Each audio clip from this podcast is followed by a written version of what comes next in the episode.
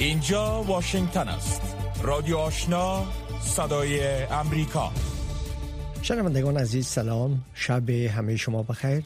حفیظ آصفی هستم و با تقدیم برنامه خبری ساعت رادیو آشنا صدای امریکا با شما هستم. در سرآغاز توجه کنین با تازه ترین خبرهای افغانستان منطقه و جهان که لیل ما حبیب عظیمی تقدیم می‌کنه. سلام و وقت بخیر. مشروع خبرها.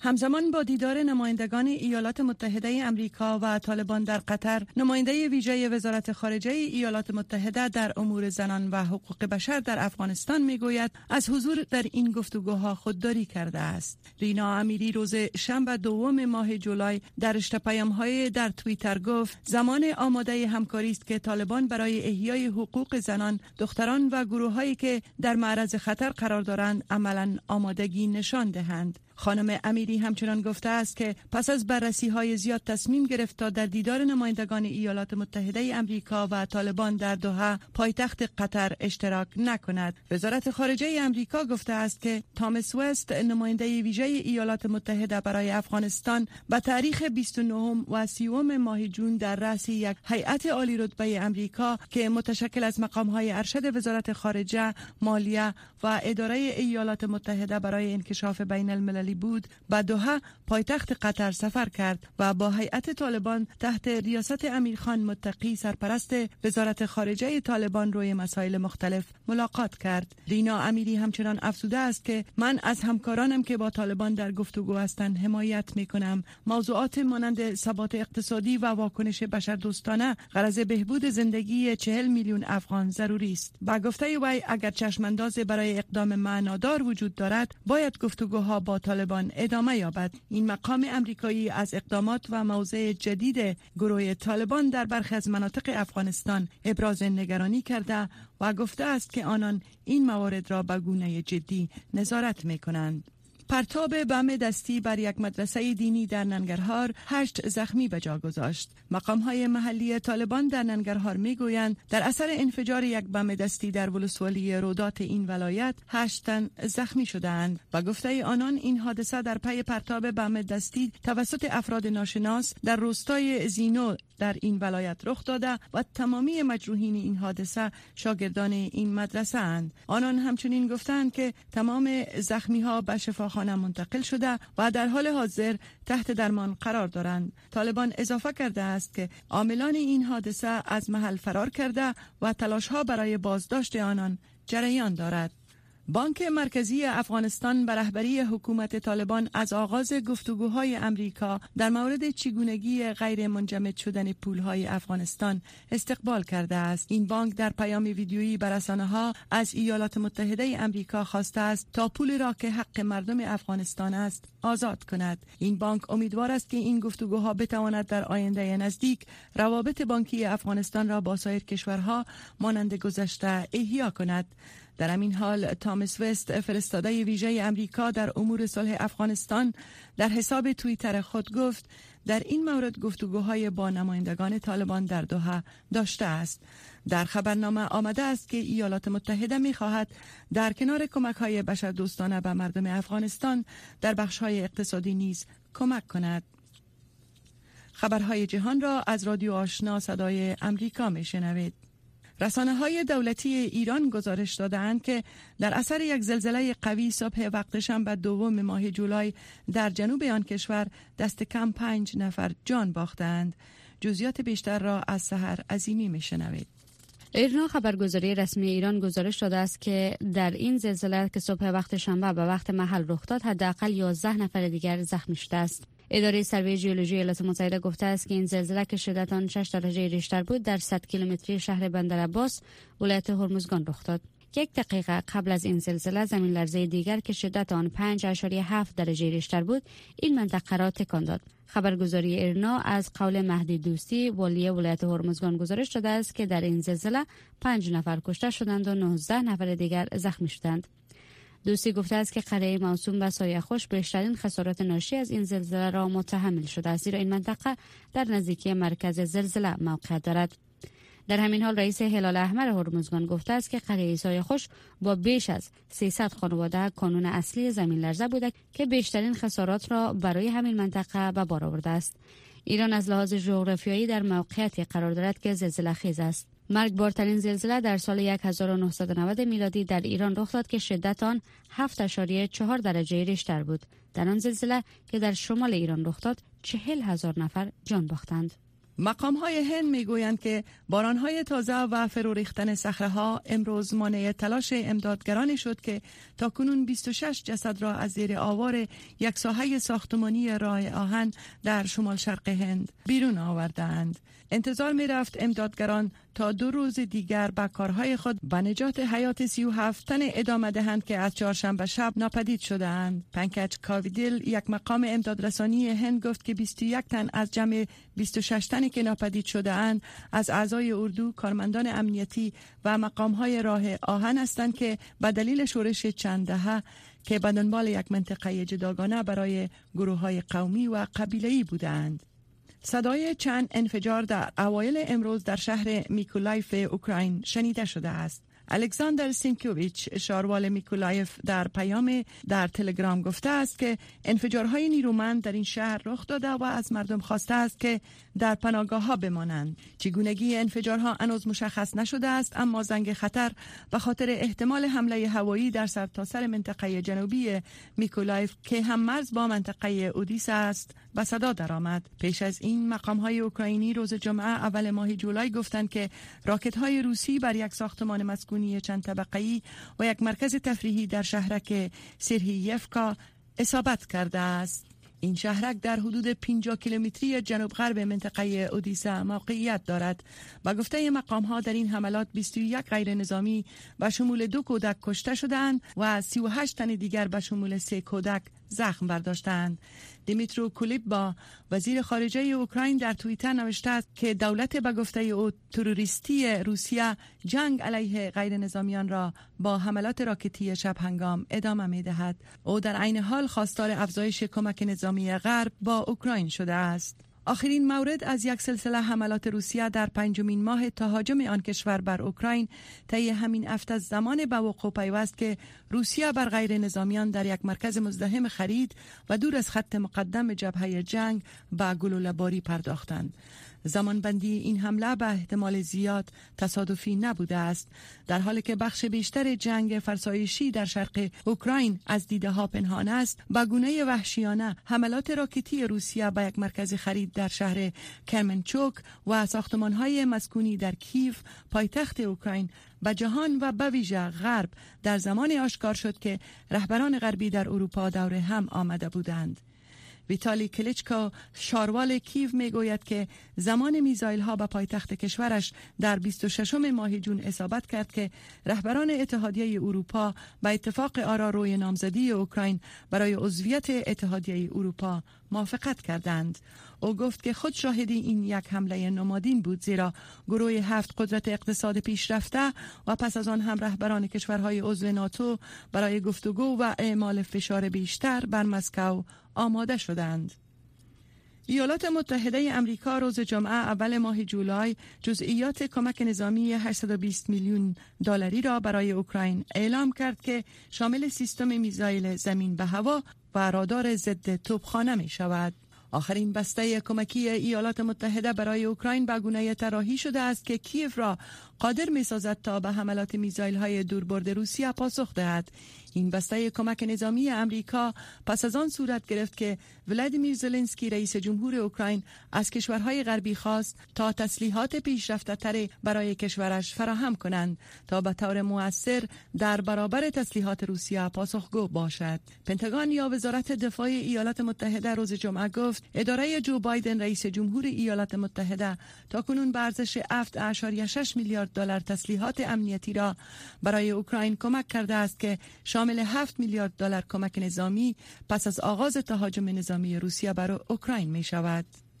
محکمه عالی تکساس اواخر شب جمعه حکم یک محکمه ابتدایی را در این ایالت که بر طبق آن کلینیک ها می توانستند سخت جنین را ادامه دهند لغو کرد این اقدام تنها چند روز پس از آن صورت می گیرد که برخی از دکتران پس از ساقط شدن قانون اجازه به سخت جنین پذیرفتن مریضان را جهت اجرای این عمل ادامه داده بودند هنوز مشخص نیست که آیا کلینیک ها در ایالت تکساس که این هفته پذیرفتن مریضان را از سر گرفته بود بار دیگر خدماتشان را متوقف خواهند کرد یا خیر؟ برای بررسی به این موضوع جلسه استماعی رسیدگی به این حکم در اواخر این ماه در نظر گرفته شده است. تلاش کلینیک های تکساس برای راندن مریضان یا موکول کردن ملاقات آنها به آینده و اکنون نیز بار دیگر لغو ملاقات ها همه در ظرف یک هفته سردرگمی و کشمکش هایی را از زمان ساقط شدن قانون اجازه سقط جنین در سرتاسر سر کشور به میان آورده است. بر اساس حکم یک قاضی هیوستن در اوایل این هفته برخی از کلینیک ها اطمینان حاصل کرده بودند که می توانند به طور موقت سقط جنین را تا شش هفته پس از بارداری از سر گیرند. پس از آن کن پکستون لوی سارنوال تکساس از عالی ترین محکمه ایالت که نو قاضی جمهوری خواه دارد خواست تا به طور موقت این حکم را متوقف کند. کلینیک های تکساس اجرای سقط جنین را در این ایالت بعد از آن متوقف کردند که محکمه عالی هفته گذشته قانون اجازه سقط جنین را لغو اعلام کرد. پایان مشروع خبرهای افغانستان منطقه و جهان هفت روز هفته با رادیو آشنا صدای امریکا خبرهای افغانستان منطقه و جهان از رادیو آشنا صدای امریکا شنیدین. آل هم توجه کنین به گزارش های ای برنامه. همایش بزرگ سه روزه عالمان دین و بزرگان قومی که در کابل دایر شده بود با صدور قطنامه به پایان رسید.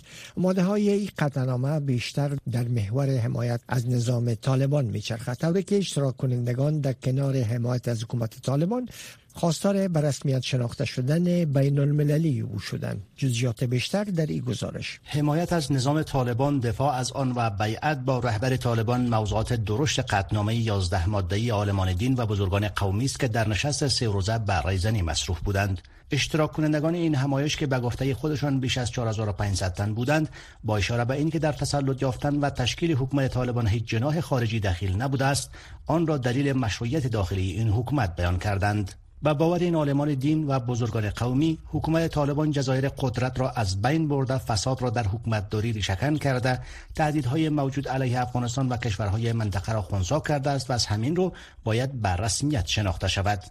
مولوی مجیب الرحمن انصاری که قدنامه این همایش را به خانش گرفت. بالای کشورهای منطقه و جهان ملل متحد و سایر سازمانهای بین المللی به ویژه کشورها و سازمانهای اسلامی صدا می کنیم که امارت اسلامی را من حیث یک نظام مشروع به رسمیت بشناسند با آن تعامل مثبت نمایند. این قطنامه از جامعه جهانی خواستار رفع تعذیرات از حکومت طالبان و آزادسازی دارایی های منجمد شده افغانستان از سوی ایالات متحده امریکا نیز شده است. اشتراک کنندگان این همایش در قطنامهشان از سیاست حکومت طالبان مبنی بر عدم مداخلت در امور داخلی کشورهای منطقه و جهان عدم استفاده از خاک افغانستان علیه کشورها حمایت کرده و خواستار عمل مشابه از سوی جامعه جهانی شدند. همچنان این قطنامه موضع مشابه به طالبان در مورد عمل مسلحان علیه حکومت طالبان دارد و مخالفت را بغاوت عنوان کرده و مبارزه با آن را وجیبه دینی مردم خوانده است. با این وجود عالمان دینی و بزرگان قومی در مورد حقوق ها و زنان به ویژه حق کار و آموزش آنها به یک ماده اکتفا کرده است. مولوی انصاری. بالای امارت اسلامی صدا می کنیم که در راستای عدالت دینی و اصری صحت زراعت صنعت حقوق اقلیت ها أطفال زنان و تمام ملت در مجموع پیشرفت همه جانبه. رشد اقتصادی و انکشاف متوازن در روشنایی شریعت مقدس اسلامی توجه نمایند تایید است؟ همچنان تقویت وحدت ملی از سوی رهبری طالبان پرهیز مردم از کمک و ایجاد رابطه با گروه دولت اسلامی یا داعش. اجتناب علمای دینی از بحث های رسانه‌ای در مورد موضوعاتی که سبب اختلاف جامعه می شود از موارد دیگر در این قطعنامه است. از سوی هم اشتراک کنندگان این نشست از کادرها و شخصیت های افغان مقیم خارج خواستند که به افغانستان برگردند. در همین حال رامش سالمی کارشناس امور سیاسی به این نظر است که تقویت نظام اسلامی یکی از نکات برجسته این همایش بود که به باور وی اعضای رهبری طالبان بیشتر تلاش کردند تا به جای مشکلات اساسی افغانستان مرامنامه این گروه را در اولویت نشان دهند.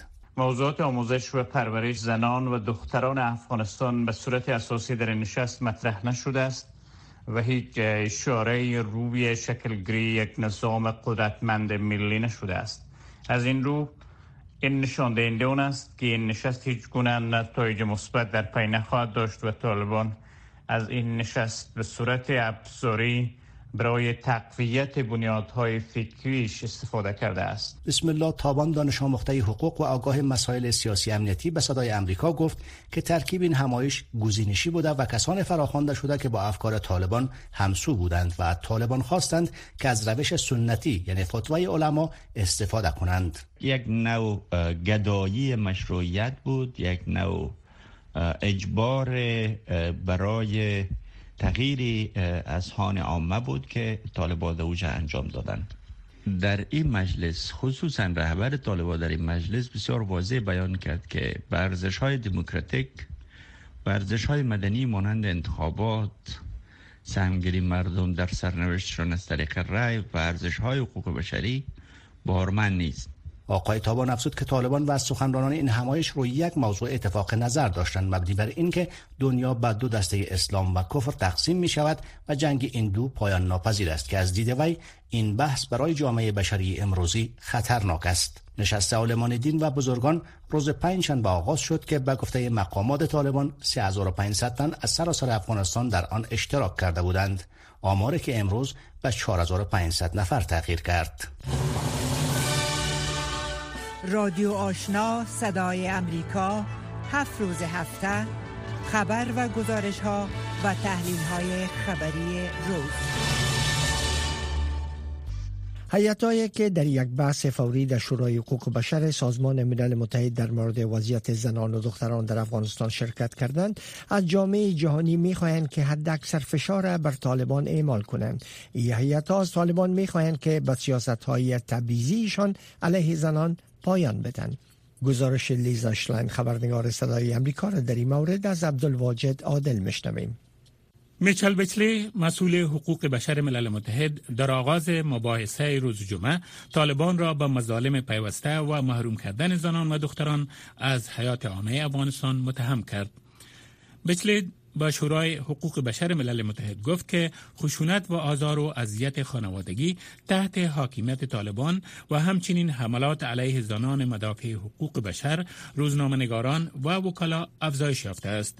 او گفت که زنان دیگر نمی توانند شغل پیدا کنند و تعلیمات متوسطه برای بیش از یک میلیون دختر از میان رفته است.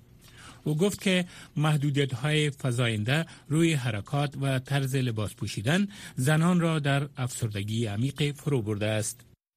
While some of these concerns predate the Taliban takeover in August 2021, با آنکه برخی از این نگرانی ها پیش از تسلط طالبان در ماه آگوست سال 2021 نیز موجود بود ولی اصلاحات در آن زمان در مسیر درستی در حرکت بود و پیشرفت ها و امیدواری هایی وجود داشت اما در حال حاضر که طالبان در قدرتن زنان و دختران مهمترین و سریعترین عقب نشینی را از حقوق خود در سراسر دهه های اخیر تجربه می کنند. ریچارد بنت گزارشگر خاص وضعیت حقوق بشر در افغانستان گفت که زوال حقوق زنان در مفکوره طالبان نقش اساسی دارد او اشاره کرد که حقوق زنان و دختران تحت حاکمیت طالبان در دهه 1990 سیر قهقرایی قابل توجهی را می پیمود. Therefore, it should come as no surprise that despite public assurances from the Taliban that they would respect از این سبب جای تعجب نیست که علیرغم تضمین های عمومی طالبان مبنی بر اینکه به حقوق زنان و دختران احترام می‌گذارند آنان گام به گام تبعیض علیه زنان و دختران را همانند دوره قبلی خود اعاده می کنند که از نظر زن و ظلم در سطح جهان بی‌نظیر است. فوزی کوفی که قبلا معاون اول پارلمان افغانستان بود در یک سخنرانی پرشور در این شورای حقوق بشر ملل متحد وضعیت وخیم زنان افغان را تشریح کرد. و گفت که زنان دیگر در پارلمان در زندگی مدنی یا عمومی شرکت نمی کنند. و گفت که هر روز یک یا دو زن خودکشی می کند زیرا دیگر امیدی برایشان باقی نمانده است.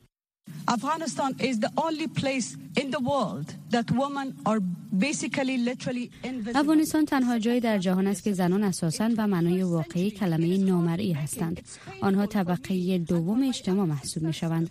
در قرن 21 برای من و دیگر خواهران و همشهریانم دردناک است که از حقوق اولیه خود حق ظاهر شدن دفاع کنیم.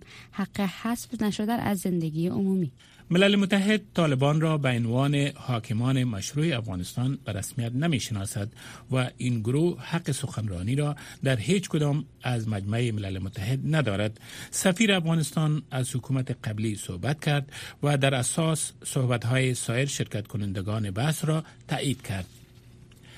در حالی که هنوز بحث ادامه داشت سه هزار تن از علمای دینی در اولین لوی جرگه یا مجلس شورای بزرگ از زمان تسلط طالبان بر افغانستان گرد هم می آمدند. تنها مردان در این گرد همایی حضور دارند که برای بحث در مورد وحدت ملی و مسائلی که کشور به آن مواجه است فرا خوانده شدند. مقامات طالبان می گویند که مردان از زنان در آن نمایندگی می کنند. شنوندگان گرامی رادیو آشنا صدای امریکا نشرات رادیو آشنا را در موج متوسط 1296 موج کوتاه 11575 اعشاری صفر و در موج 972 کیلوهرتز شنیده می توانید. مراکز سی در کانادا که سخت جنین انجام میتن در حال آماده شدن برای پذیرش بیماران از ایالت های ایالات متحده هستند و دلیلی که در این کشور سخت جنین ممنوع اعلان شده. همین رقمی که گریک میکالوچ خبرنگار صدای امریکا از ونکوور گزارش میده حکم محکمه عالی ایالات متحده مبنی بر لغو حق قانونی سخت جنین در امریکا به عنوان انگیزه برای گسترش خدمات سخت جنین در کانادا و ارائه سایر اشکال حمایت از زنان باردار استفاده شده. شهر بیشتر از سهر عظیمی سخت جنین توسط محکمه عالی کانادا در سال 1988 جرم زدایی شد. 15 سال پس از آنکه محکمه عالی امریکا رو در مقابل وید قانون سخت جنین را در سراسر ایالات متحده قانونی کرد. کانادا دومین کشور بزرگ جهان است که خدمات سخت جنین در برخی از مناطق روستایی و راحتی قابل دسترس نیست. اما اکثر مناطق شهری بزرگ شفاخانه ها و یا مراکز درمانی دارند که در آن این خدمات اجرا می شود اکنون که محکمه عالی ایالات متحده قانون سخت جنین را لغو کرده است 13 ایالت ایالات متحده در امتداد مرز با کانادا آزادند که سخت جنین را اجازه دهند محدود کنند و یا هم آن را ممنوع اعلام کنند. وینپگ مرکز باز که با داکودای شمالی هم مرز است ایالتی که انتظار می رود دسترسی به سخت جنین را محدود کند. بلندن تونا مدیر برنامه خدمات کلینیکی برای سلامت زنان در وینیپینگ انتظار دارد که بیماران امریکایی را ببیند همانطور که برخی از همه‌گیری ویروس کرونا انجام دادند. او میگه این موضوع کمتر به قوانین مربوط می شود و بیشتر به فاصله و مدت سفر کوتاه برای برخی از امریکایی ها برای رسیدن به کانادا مربوط می شود. I think it will happen. من فکر می کنم این اتاق خواهد افتاد. در گذشته ما آن را داشتیم زیرا برای برخی از افراد سفر آسانتر یا نزدیکتر است و سفر به مرکز و سفر به مرکز ما به جاهای دیگر نزدیکتر است. مارتا پنتن نویسنده کتاب سخت جنین تا القای آن و عدالت سلامت باروری در کانادا در مورد تعداد سفرهای برون مرزی که ممکن است برای دسترسی به خدمات سخت جنین اتفاق بیفتد مطمئن نیست. پنتیر که دکترای پرستاری نیز دارد میگه هزینه ها و موانع لوجستیکی برای امریکایی ها برای دریافت مراقبت در کانادا وجود دارد. اما این وضعیت انگیزه برای گسترش دسترسی به سخت جنین در سراسر کشور است.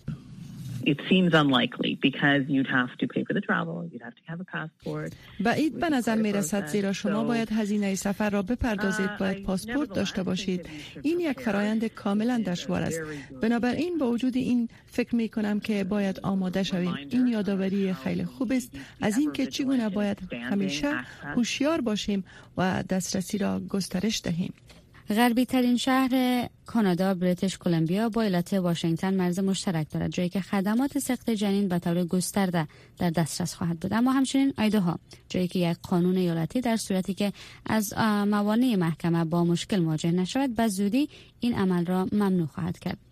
میشل فورتین مدیر اجرایی گزینه های سلامت جنسی که قبلا کارمند انجمن پلن پرنهاد بریتیش کلمبیا بود میگه مسائل احتمالی مهاجرت مانند نیاز به پاسپورت و عبور از مرزهای بین باعث می شود اکثر امریکایی هایی که به دنبال خدمات سخت جنین هستند به نزدیکترین ایالات ایالات متحده مراجعه کنند با این حال او می که هیچ کس در کانادا رد نمی شود و بسیاری از کانادایی ها به دنبال ارائه انواع پشتیبانی به این افرادند. Um, و حمل وی خواسته یا نخواسته باشد خدمات داده خواهد شد. من نمی‌دانم که ما شاهد حجوم عظیم خواهیم بود. من می‌دانم که افراد زیادی در کانادا به دنبال راههایی هستند که بتوانیم از مردم امریکا برای دسترسی به حق سقط جنین حمایت کنیم. فورتیر می‌گوید که این حمایت بیشتر مالی برای کمک به پوشش هزینه های سفر مراقبت از کودکان و سایر هزینه های امریکایی است او می‌گوید که این ممکن است شامل ارسال ادویه سخت جنین به ایالات متحده نیز باشد. درست مانند آنچه که سالها با نسخه دیگری که در کانادا ارزانتر از امریکا هست انجام می شود رادیو آشنا صدای امریکا هفت روز هفته. خبر و گزارش ها و تحلیل های خبری روز. بازرسان ملل متحد هشدار داده که با ادامه جنگ در سوریه گرسنگی میلیون ها انسان در کشور تهدید می‌کنه و جنگ سبب شده تا 15 میلیون سوری به کمک های بشری وابسته باشند. گزارش را در این مورد از فوزیه احسان میشنوین.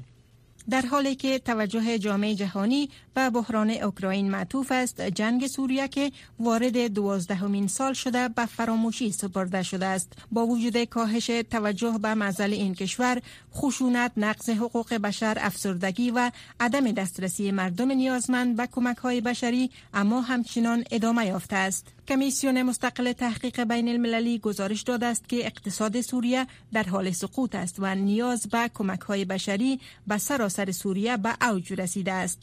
پاولو پینیر رئیس این کمیسیون گفت که تخمینا 14.6 میلیون سوری متکی به کمک های بشری هستند. با در نظر داشته واقعیت بینصافی است که به جای بحث روی این که چگونه راه های اکمالاتی و کمک رسانی در سراسر کشور توسعه داده شود بحث های شورای امنیت ملل متحد بر این تمرکز دارد که آیا یک سرحد باقی مانده که کمک ها از آن عبور می کند را بست یا نه؟ بیش از یک میلیون تن در شمال غرب سوریه با قطع کمک ها تا هفته آینده مواجه خواهند بود. این بستگی به آن دارد که چه زمانی شورای امنیت سازمان ملل متحد در مورد عبور کمک های بشری از راه بابل هوا در ترکیه به منطقه تحت کنترل شورشیان در سوریه رای خواهد داد گزارش شده است که روسیه تمدید ادامه عبور کمک ها از این دهلیز را ویتو خواهد کرد. کمیسیون مستقل تحقیق بین المللی گفته است به شمول تحریم های یک جانبه تمام موانع باید از راه رسیدن کمک ها برداشته شود.